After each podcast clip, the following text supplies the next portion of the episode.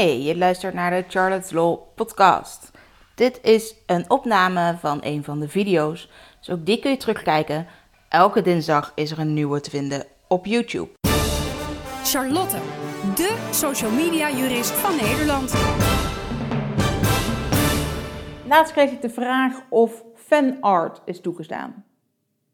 Fanart is eigenlijk iets wat iemand maakt naar aanleiding van een bestaande, nou bijvoorbeeld een boek of een tv-serie of kunst die al bestaat.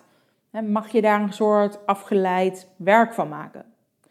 Misschien weet je wel dat um, Fifty Shades of Grey, die hele serie, is afgeleid uit, ik geloof, een bepaalde scène van Twilight. Fifty Shades of Grey is eigenlijk een soort van fanfiction. Er werd gewoon Twilight gekeken. Naar aanleiding daarvan zijn daar wat mooie teksten geschreven op een forum en dat zijn uiteindelijk de boeken geworden. Nou, ik kan je eigenlijk niet vertellen of fanart of fanfiction altijd wel of juist nooit is toegestaan.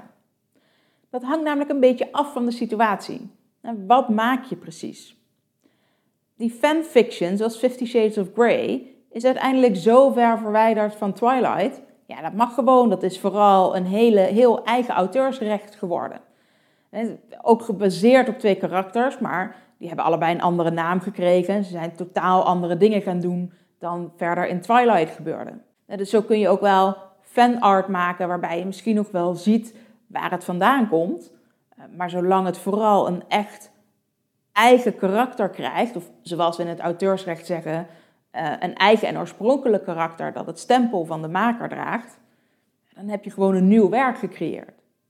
Maar zitten daar nou te veel, wat we dan noemen de auteursrechtelijk kenmerkende trekken in van het oorspronkelijke werk?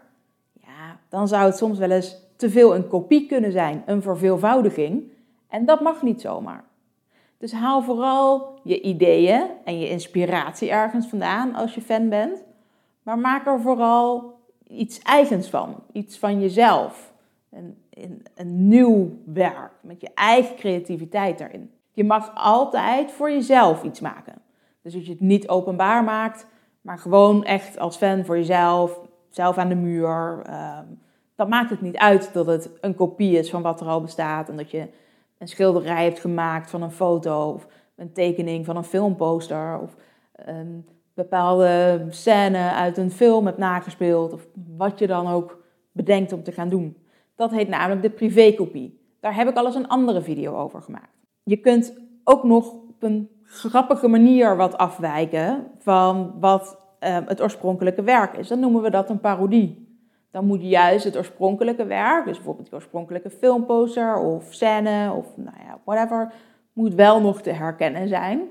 Maar door er dus iets grappigs aan toe te voegen, daar een twist, een draai aan te geven, dan noemen we dat een parodie. Daar heb je geen toestemming voor nodig. Het is wel een verveelvoudiging. Zou normaal gesproken een inbreuk zijn.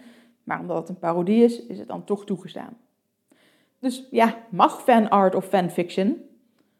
Als je het vooral als idee hebt gebruikt en als inspiratie hebt gebruikt, maar iets heel eigens maakt, ja, dan mag dat zeker. Maak je het alleen maar voor jezelf en ga je het niet openbaar maken, dus ga je het niet nog delen in op, op, in Facebookgroepen of uh, op je Instagram-account. Maar hou je het voor jezelf en hang je thuis aan de muur, dan mag het ook. Geef je daar een beetje een twist aan, uh, zodat het wat grappig wordt, dan is het een parodie. Dat is dan ook weer een uitzondering. Dat mag ook. Is het nou te veel een kopie, dat je misschien wel andere materialen gebruikt of een ander soort techniek, maar maak je eigenlijk iets min of meer één op één na, dan is dat een verveelvoudiging. Die mag je dan niet zomaar openbaar maken of verkopen, bijvoorbeeld. Heb je nou nog vragen over fanart, fanfiction of op welke andere manieren je bestaand werk mag namaken? Of hoe je misschien juist je eigen werk kunt beschermen? Stel je vragen gerust hieronder in de comments of stuur ons even een e-mailtje.